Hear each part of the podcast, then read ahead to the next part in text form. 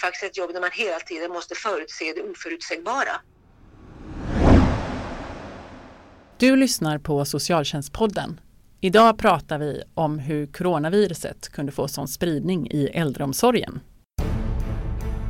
Vem är jag till för som socialarbetare? Står jag på den svaga sida? Står jag på maktens sida?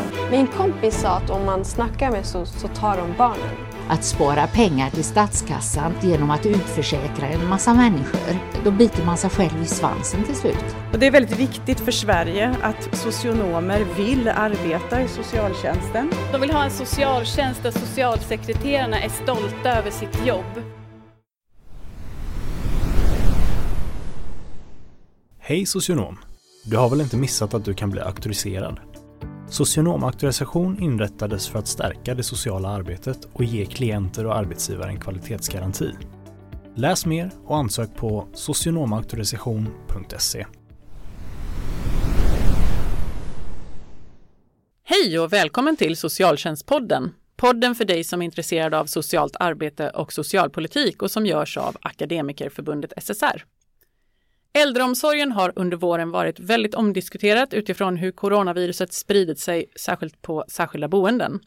Bristen på skyddsutrustning och anställningsskydd ses som bidragande faktorer. En som länge forskat om organiseringen och villkoren inom äldreomsorgen är Matta Sebehej, professor emeritus i socialt arbete, som jag nu ska ringa upp för att höra mer om hur kunde det bli så här? Och jag har också med mig Simon Winge, chefsekonom på Akademikerförbundet SSR, som ska berätta lite om hur våra medlemmar som arbetar som biståndsanläggare ser på sina förutsättningar att bedöma äldres behov och bevilja dem rätt insatser. Men vi börjar med att ringa upp Matta. Hej Matta! Det är Josefin och Simon från Socialtjänstpodden. Hej. Och välkommen till oss. Tack. På vilket sätt har organiseringen av äldreomsorg bidragit till att sprida coronaviruset bland sköra äldre? Ja, det är en stor fråga. Eh, för det första tycker jag att jag vill säga att det är ett internationellt mönster.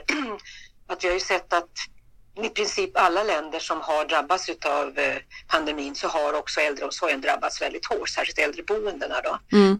Eh, och det tror jag har med lite olika saker att göra inte bara med organiseringen av äldreomsorgen utan det handlar till exempel också om att när smittan kom så hade man ju allt fokus på att klara intensivvården. Man, hade, man pratade aldrig om äldreomsorgen i början. Man pratade bara om liksom, nu måste vi skaka fram intensivvårdsplatser och så gjorde man i alla länder. Så det fanns ju inte fokus på äldreomsorgen. Man prioriterade liksom hälso och sjukvård och sjukhus. Alltså, Precis, man pratade ju hela tiden, och det gjorde man i alla länder, att vi måste skydda de sköra äldre, för man visste ju ganska tidigt att de äldsta drabbades värst. Men fast att man sa det så hade man inte blicken på äldreboendena som ju är den plats där de sköra äldre finns. Utan Mm. man hade blicken på sjukhusen, det tror jag var jätteviktigt. Men sen är det en sak till som innan man kommer in på organisationen som jag tror är viktig och det är det här med vad är ett äldreboende? Ja, det är ju en, en plats där man ska bo och leva till den dag man dör. Det är en plats för bo, både boende, socialt liv och vård vid livets slut. Och byggnaderna är ju liksom inte byggda som ett sjukhus för att liksom hindra smittspridning och så vidare. Så de två sakerna, liksom, alla myndigheters blick på sjuk, intensivvården och inte på äldreomsorgen, byggnadernas situation, tror jag är en av, eller ett par av orsakerna varför äldreomsorgen har drabbats hårt i princip i alla länder. Mm. Men sen, det, det som egentligen var din fråga då, eh, det är ju ett, i, alla, i princip överallt, ett lågt värderat kvinnodominerat arbete där anställningsvillkoren är sämre än, i de flesta andra jobb. Lönen är låg, många jobbar, många timanställda. I England har man det begreppet zero hour contract, alltså att man liksom inte har någon fast anställning. Många som jobbar så i många länder. Mm. Det tror jag har haft jättestor betydelse och det handlar mer om anställningsförhållanden och liksom själva den vardagliga organiseringen. Men sen är det liksom en verksamhet som har, som har stramats åt ekonomiskt under många år. Eh, och det är också i stort sett ett internationellt fenomen. Och man har eh, min, man är mera jobbar mera tidspressat, man jobbar ofta underbemannat, nu pratar jag om Sverige då, jobbar ofta underbemannat, man har mindre utrymme för tid, eh, får stöd av chefen. Chefen har väldigt många under sig jämfört med många andra verksamheter och så vidare. Så det är liksom många sådana här organisatoriska förhållanden som har bidragit till att det blir väldigt svårt att när man har fått in smittan också att hindra att den sprids. Mm. Det, har ju, och, ja, så den, det var ett lite långt svar, men, men jag, jag tyckte ändå att jag ville börja med det här att det, det är ju inte bara organiseringen utan det är också äldreomsorgens plats i välfärdssystemet men också äldreomsorgens plats i medvetandet kring pandemin i början. Men för du säger att det är ju Alltså äldre är ju de som har drabbats hårdast. Det är någonting som har hänt i många länder. Men om vi jämför Sverige med de andra nordiska länderna, det har varit en skillnad i smittspridning. Hur ser skillnaden ut mellan oss och andra nordiska länder? Alltså det är betydligt fler som har dött av pandemin i Sverige än i de andra nordiska länderna. Det har ju varit väldigt mycket medieuppmärksamhet Mm. kring. Men om man tittar på av de som har avlidit i covid-19 så är det, ja, det är ungefär hälften i Sverige, som, som knappt hälften som, som bor i äldreboenden av de som har avlidit i covid-19. I Norge är det 60 procent, över 60 procent. I Danmark är det drygt en tredjedel. I Finland vet jag faktiskt inte. Så att det är ju så att, att äldreboenden är ju drabbade i alla länder, men i och med att vi har många fler döda i Sverige så är det ju fler som har dött i äldreboenden i Sverige än i våra närmsta länder, grannländer. Men sen finns det ju många andra länder som är mycket mer drabbade. England, Irland, Skottland, Belgien, Frankrike till exempel. Mm. Där det är ännu högre andelar av de som, har, som bor i äldreboenden som har dött. Italien ska vi inte tala om. Nej, och Spanien. Men sen så, så, som jag också har sett att du har skrivit i en artikel, så ska man också komma ihåg att det alltid är en hög procent av de som dör som bor på någon form av äldreboende. Ja men så är det ju. Alltså, Alltså om man säger så här, 40-50 procent av de som dör i Ja, vanliga fall. Någonstans, någonstans där, precis så. Det, det är så man, man räknar, minst 40 procent i alla fall. Och så tänker jag så här att alltså, döden är ju alltid närvarande i äldreomsorgen. Mm. Ibland pratar man inte om den på det sättet, men det är klart att den är. Och det gäller ju alldeles särskilt äldreboendena då, för att i snitt lever man två år från det att man har flyttat in på ett äldreboende. Och det betyder att liksom varje månad så dör liksom, ja, i genomsnitt tre, fyra utav hundra på ett äldreboende. Mm. Var femte dör inom ett halvår, men var femte lever i mer än tre år. Det är det jag menar, att äldreboendet är ju en plats för både liv och död. Mm. Så man får ju inte tappa fokus på varken ena eller andra sidan. Alltså det ska ju både vara en plats där man lever, men det ska också vara en plats där man blir väl omhändertagen den dag man dör. Mm. Så att så man då tänker så, ja men det är liksom i snitt tre, fyra, om, om det är ett boende med 100 personer, det är lite stort, men det är lättare att tänka så. Om det är ett boende med 100 personer, då är det i snitt tre, fyra som dör varje månad. Och nu så är det 2 procent av de som bor i äldreboenden som har avlidit av covid-19 enligt Socialstyrelsens senaste siffror. Och 2 procent av de som bor i äldreboenden har dött av covid-19. Det betyder alltså att det är faktiskt fler som har dött av annat än covid-19 under den här perioden. Det ska man inte heller glömma. Nej. Jag vill absolut inte bagatellisera. Eh, därför att det är naturligtvis varje person som dör i förtid är ju ett problem. Men, och, det, och det andra som verkligen är ett problem det är att det är väldigt ojämnt fördelat. Eh, Vi vet ju inte egentligen på riksnivå hur många äldreboenden som har drabbats utan den bästa uppskattningen var för det var Dagens Nyheter tror jag som gjorde någon sån där kartläggning, ringde runt till länsstyrelserna och då fick man uppgiften att det var 25 procent, var fjärde äldreboende i Sverige hade fått in smitta, inte död utan smitta. Och, och i Stockholm är, det då mer än hälften, så det är väldigt ojämnt fördelat. Och på de äldreboenden som har drabbats, så i några så är det en person som har dött, men Mm. i några är det, är det 10-20 kanske. Så att det här är ju väldigt, väldigt ojämnt. Och det är klart att om man bor i ett äldreboende eller jobbar i ett äldreboende där 20 personer dör på en och en halv månad, det är klart att det är en enorm påfrestning Ja. för alla. För de gamla, för deras anhöriga, men också för personalen. Och sen har vi det här med besöksförbudet va, som gör att man får ju inte vara där.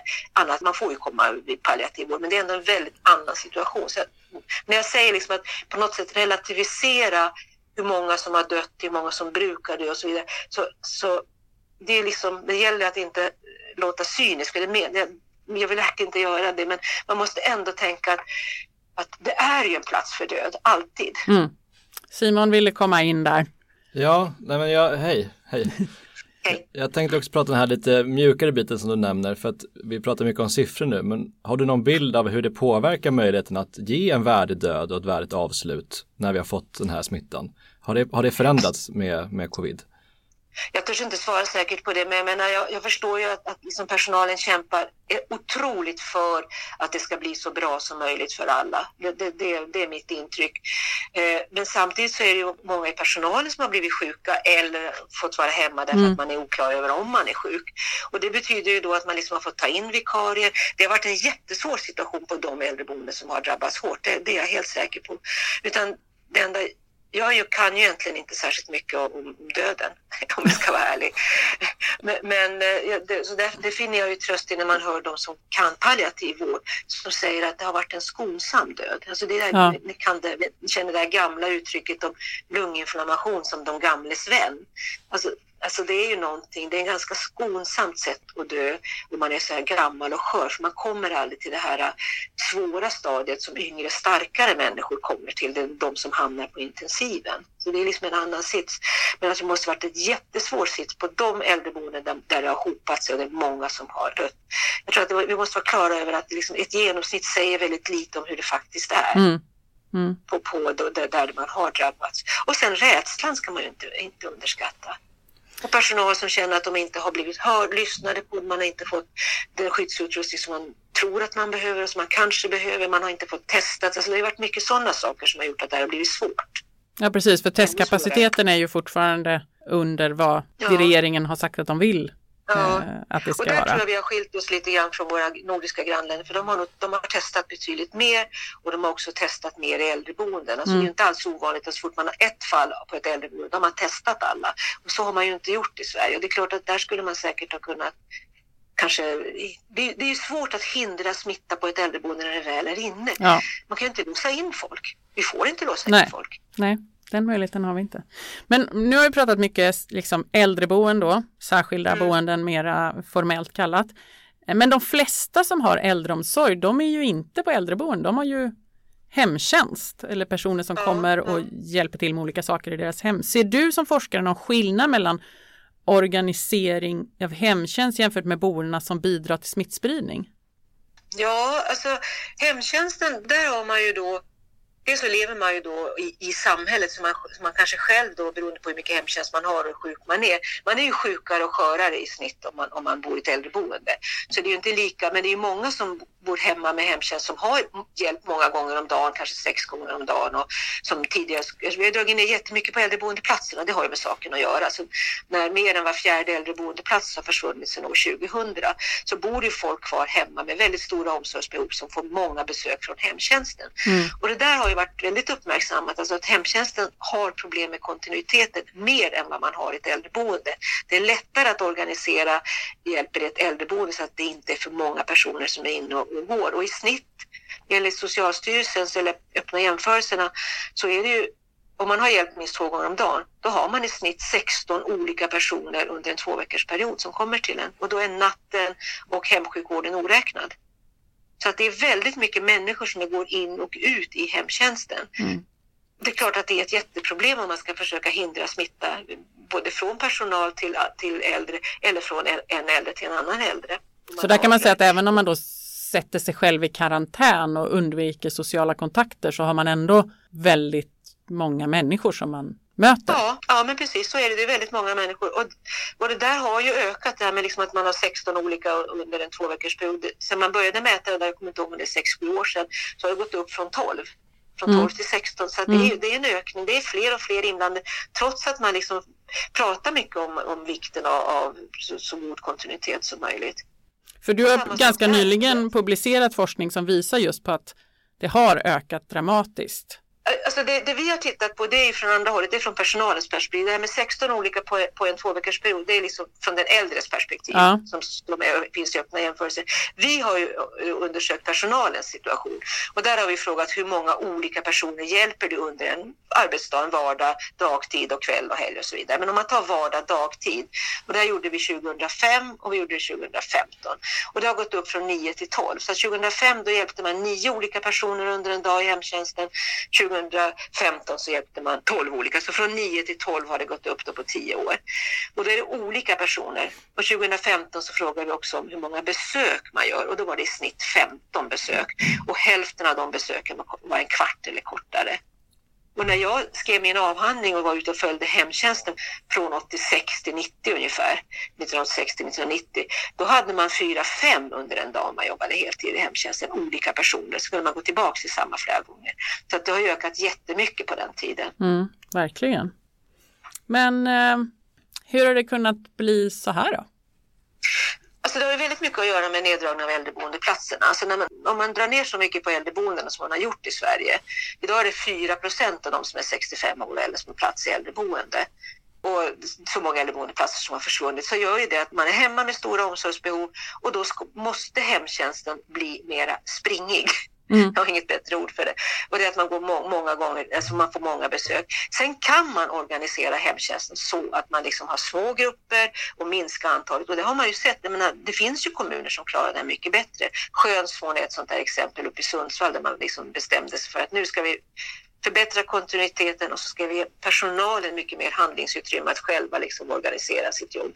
Och det får ju positiva konsekvenser. Då blir det ju mindre utav den här detaljstyrda eh, verksamheten där liksom man bara ska göra, pricka av de insatser man ska göra.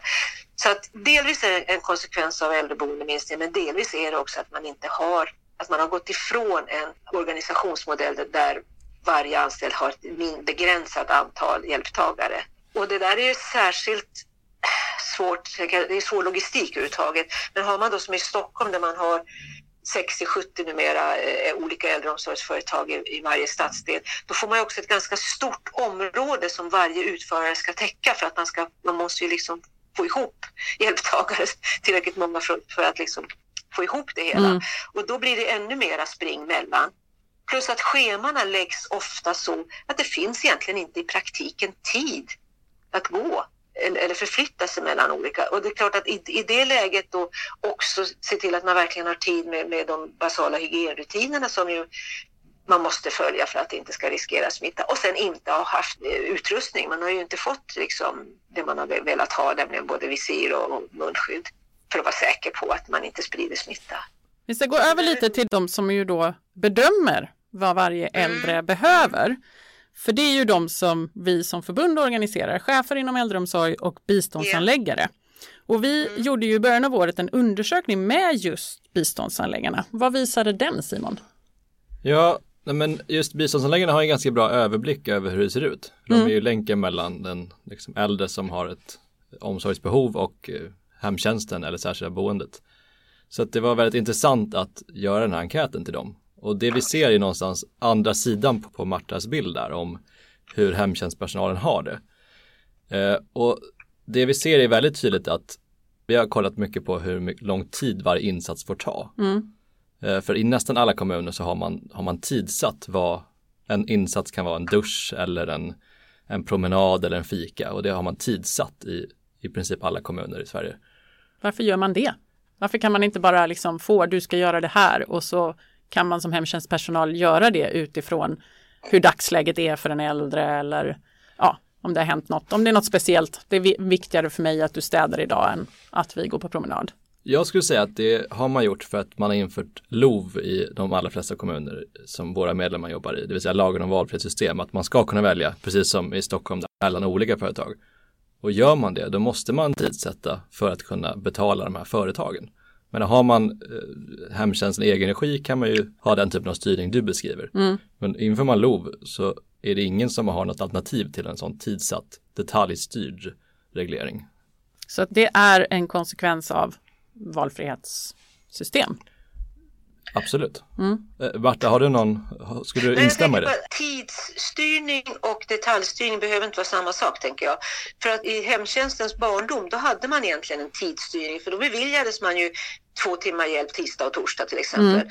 Mm. Och, och, den tiden fick man då fylla med ett innehåll. Det fanns ju någon slags, det hette ju inte biståndsbedömning på 70-talet, men det fanns ju ändå någon slags motsvarande bedömning. Hur mycket hjälp behöver den här personen och hur mycket, hur mycket tid kan vi avsätta? Ja, då får den här personen fem timmar i veckan. Men sen vad man fyllde den här tiden med, det var ju upp till vårdbiträdet på den tiden, eller hemsamariten den äldre. Mm. Så att tidsstyrning behöver ju inte vara dåligt utan problemet är ju om den här tidsstyrningen är kopplad till detaljer och är knapp.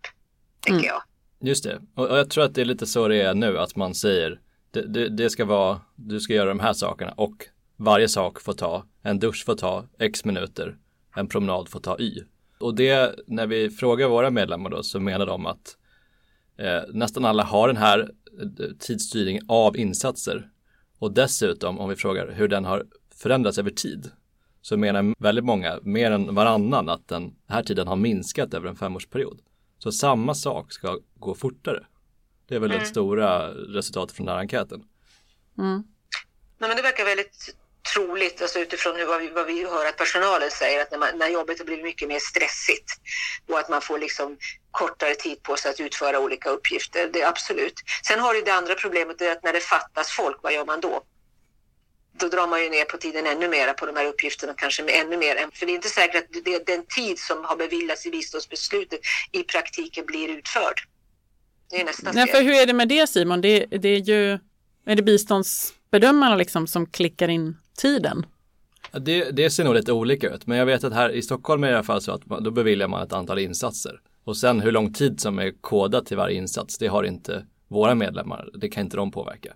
Så, så du beviljar bara kanske en dusch då. och sen Mm. är det, sitter det centralt ett eh, ja, riktlinje för hur lång, vad blir det i minuter till Mm. företaget. Vad ramlar det ut? Precis, Mm. så, så det kan inte styras så. Nej, Eh, men sen är fortfarande nästa fråga då liksom, när det då fattas folk, man har fått den här tiden, det har fattats folk, finns det tillräckligt med tid avsatt för förflyttning mellan A och B och finns det tid för, för återsamling och så vidare. Den tiden är också ett problem eh, tycker jag, både för att liksom kunna utvecklas i jobbet, vilket vi ser att, det, att man upplever som ett stort problem i Sverige, men också för att eh, hantera liksom situationer, svåra situationer. Men, och fattas det folk så, så har det tidigare visat sig i alla fall att det är inte alls säkert att alla timmar som har beviljats faktiskt utförs. nej, men hur, för man ska också säga att den här enkäten gjorde vi ju innan corona bröt ut i, på allvar i Sverige. Så det är ju en, en bild av hur det var Precis i, innan. i en lite annan situation än den vi har idag. Eh, och det var ändå väldigt belastat. Vad säger de om, om liksom arbetsbelastning och deras möjlighet att kunna ge insatser utifrån den äldres behov? Nej, men det, är ju, det har ju varit ett problem länge och det har blivit värre med, över tid. Så att man kan ju säga liksom att när coronapandemin slog till, då var, det ju, var ju äldreomsorgen redan ett väldigt ansträngt läge. Det fanns ju liksom inga Alltså det är hela också det jagandet av slack i organisationen, det är ju en del av hela ja, New Public Management kan man Mm. väl säga, liksom med, med, med, där man jagar, har jagat kostnader och, och liksom rationaliserat och inte riktigt heller organiserat allt i jobbet så att, att man har kunnat ta hänsyn till att det här är ju faktiskt ett jobb där man hela tiden måste förutse det oförutsägbara. Man, kan ju, man vet ju inte, man kan ju inte veta hur det ser ut till den man kommer till. Och, och, och i praktiken så gör ju de, är ju de flesta som jobbar kloka och de gör ju då, kommer man till någon som, som behöver lite mer hjälp en dag så gör man ju det, man måste ju göra det. Men då får man ju springa väldigt mycket mer sen och riskera då att få problem i slutändan. Så att man, man hindrar ju, när personalen faktiskt gör det som deras kompetens och klok, klokhet säger behöver göras, då kan, man ju, då kan det ju hända att man bryter mot några regler och rutiner för att man liksom ska få, få det att gå ihop för den äldre. Mm. Vad säger du Simon? Nej men jag, vi, den här enkäten ger ingen annan bild och jag tänker det, vi ser redan då i, i början av året, fram till februari som vi gjorde den här enkäten, att det är liksom pressat och, och tajt och då säger det sig självt att det är svårt att på det hantera en, en pandemi. Mm. N- När Som man, dessutom för med sig sjukskrivning i stora... För det är ju inte bara eh, vårdbiträden och undersköterskor som, som är sjukskrivna, också cheferna är ut, sjukskrivna, sjuksköterskor är sjukskrivna. Så det blir ju en väldigt utsatt situation då i, ett läge där man verkligen skulle behöva ha alla resurser på plats. Så kanske 20 procent är borta. Mm. Det är I en redan väldigt Stram väldigt situation. Stram situation, precis. Mm. Men får jag säga något? För du, du, du sa Josefin att, att ni, ni organiserar både biståndsbedömare och enhetschefer. Mm. Alltså, enhetscheferna tycker jag också vi borde säga någonting om därför att de har ju, äldreomsorgens chefer har ju fler under sig än vad man har i till exempel i tekniska förvaltningar. Mm. Och vi, vi ser ju också i vår enkät som vi, vi gjorde i Nor- Norden, inte till cheferna utan till borde undersköterskor motsvarande. Alltså de träffar ju sin chef mycket oftare i de andra nordiska länderna än vad man gör i Sverige. Det säger ju också någonting om att vi har en organisation där, där cheferna har ett väldigt stort ansvar utan att man kanske har möjligheter att, att liksom faktiskt Alltså, de har en jättesvår situation, tänker jag. Mm. Och nu har man ju också fått på sig då att ja, men nu ska ni skaffa fram skyddsutrustning och ni ska liksom kun- skaka fram ha- handskar och, och se till att det finns handsprit. Alltså det, man, man har liksom skjutsat ner väldigt mycket ansvar på enhetscheferna som jag tror kanske skulle ha tagits lite högre upp i organisationen. Mm. Ja, Simon. Men en lite annan fråga till dig Marta. För du har ju, du har ju forskat på det här länge, men skulle du säga att bilden av äldreomsorg som f- trodde vi att vi hade en annan omsorg än den vi faktiskt har? Om du förstår min fråga. Ja, alltså, jag tycker att det har varit ganska uppenbart länge att äldreomsorgen har problem. Jag skulle vilja säga att äldreomsorgen fungerar ofta bättre än sitt mediala rykte. Men samtidigt så har ju äldreomsorgen stora problem. Alltså man har ju, vi visar att hälften av de som jobbar i äldreomsorgen i vår enkät 2015 ville sluta.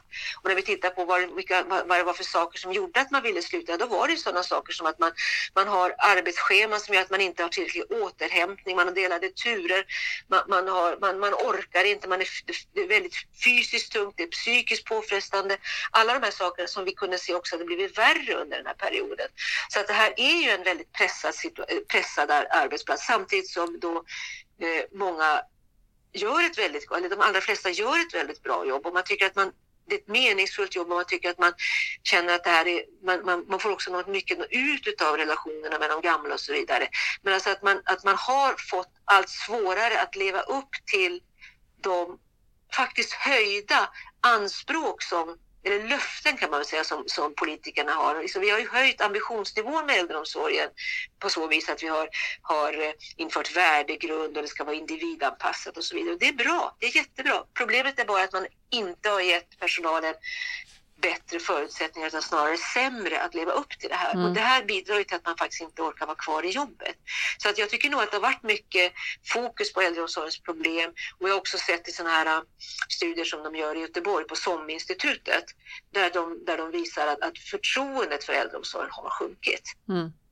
Så man kan säga att det är liksom högre ambitionsnivå kan ju också leda till större etisk press då för de som jobbar Ja. att det finns Absolut. nya fina ord att leva upp till men inte, inte mer pengar till Nej, att fylla. precis. Min, min, de fina mindre orden. pengar, mer stress, högre ambitioner, högre förväntningar i någon mening och sen, in, och sen är det väldigt frustrerande om man då inte kan leva upp till det. Det där tror jag är jätteviktigt. Alltså att gå hem från jobbet och känna sig otillräcklig, det är ju ett av de värsta arbetsmiljöproblemen i, i människovårdande yrken. Mm. Simon, Ja men för om man kollar på, jag hittade en indikator för andelen som går till äldreomsorg över tid och den, om man kollar från 90-talet någon gång, så har den legat oförändrad eller minskat något. Samtidigt har vi fler äldre och som du säger Marta så har ambitionsnivån också höjts. Eh, en sak som vi, det verkar sparas på är då tid per insats. Men vad är det mer man, vad måste man spara på för att få den här ekvationen att gå ihop? Ja, springa fortare är väl en sak. Eh, vi har ju många timanställda i äldreomsorgen. Det är ju ett sätt att spara på kostnaderna. Att man liksom då tar in folk bara för de timmar som det, som, som det absolut, alltså när, när som under dygnet när det behövs som mest. Eh, det tror jag är ett väldigt kortsiktigt tänkande därför att det, det, det sliter väldigt mycket på organisationen och man har väldigt många olika personer inne. De, den fast anställda personalen får ett väldigt stort ansvar att hela tiden hålla på och stötta och lära upp nya och så vidare. Plus att det naturligtvis är ett väldigt svår sits för de som är timanställda som, som, som, som ju inte kan etablera sig i livet om man inte får en fast anställning. Så det där är ju ett, ett, ett sätt att spara såklart. Eh, neddragningar där.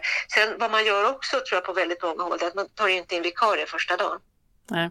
Så man får gå kort och sen, Man, man går kort, man går nästan alltid kort en dag och sen kanske dag två tar man in vikarie. Mm. Och det där tycker jag verkar vara ett genomgående mönster. Men nu ser vi ju satsningar på äldreomsorgen att man Ja, ska var- satsa vi, på det måste vi, säga, det, vi såg ju en vända under förra mandatperioden också, det varit extra satsningar. Så att det har ju, om man tittar på en längre period så gick det ju klart ner mellan alltså resurserna till antalet kronor per äldre i befolkningen som används till äldreomsorg, så har jag räknat. Då har det ju minskat fram till ungefär 2014 tror jag och sen så, så liksom stabiliserade sig lite grann och gick upp lite grann. Vi hade också en platå, vi hade ju liksom inte så mycket, vi hade ingen stark åldringsökning när, när det var 30-talisterna som var 80 plus. Nu, nu, nu har vi ett annat läge, nu får vi väldigt många fler.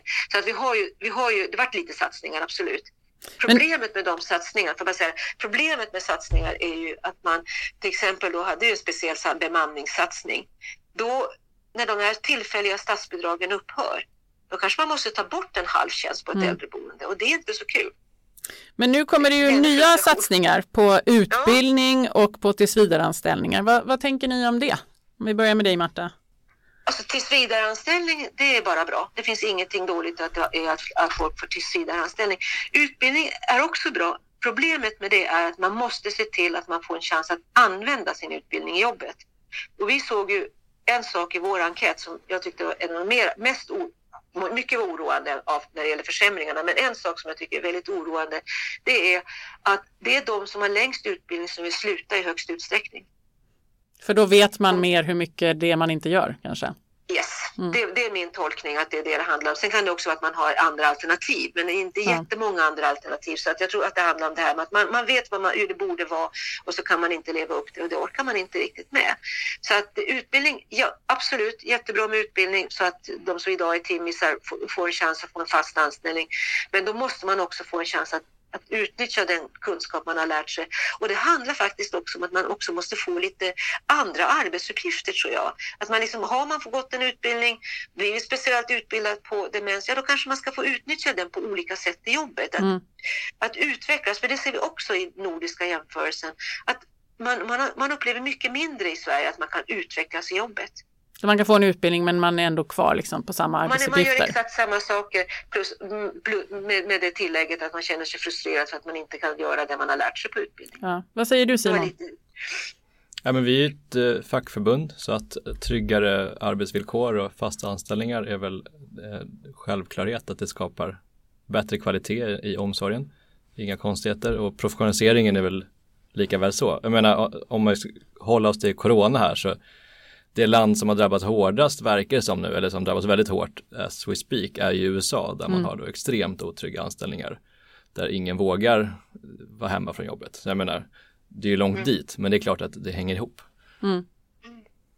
Och det har man ju också pratat mycket om att är man timanställd så får man ju ingen, det spelar ingen roll, att man får sin karensdag men sen får man ju inte mer jobb. Nej. Så att det är ju också det här, kan man vara hemma, ja men då har man ingen, är man timanställd så har man ingen inkomst när man är hemma för att man är Mm. Nej. sjuk. Det, är eh, säga, det finns ju ett annat problem som man har uppmärksammat. För nu finns ju ändå ett liksom ambition att öka heltidstjänsterna. I, i, eh, så det finns ju avtal till exempel mellan Kommunal och SKR och så Mm. vidare. Att man ska liksom starta hel, heltidsresa. Heltid som norm. Problemet, problemet med det är ju två saker som man ska se. Dels att man ibland har fått då gå in och ta jobb på andra ställen utanför sin ordinarie arbetsplats för att få upp sina timmar.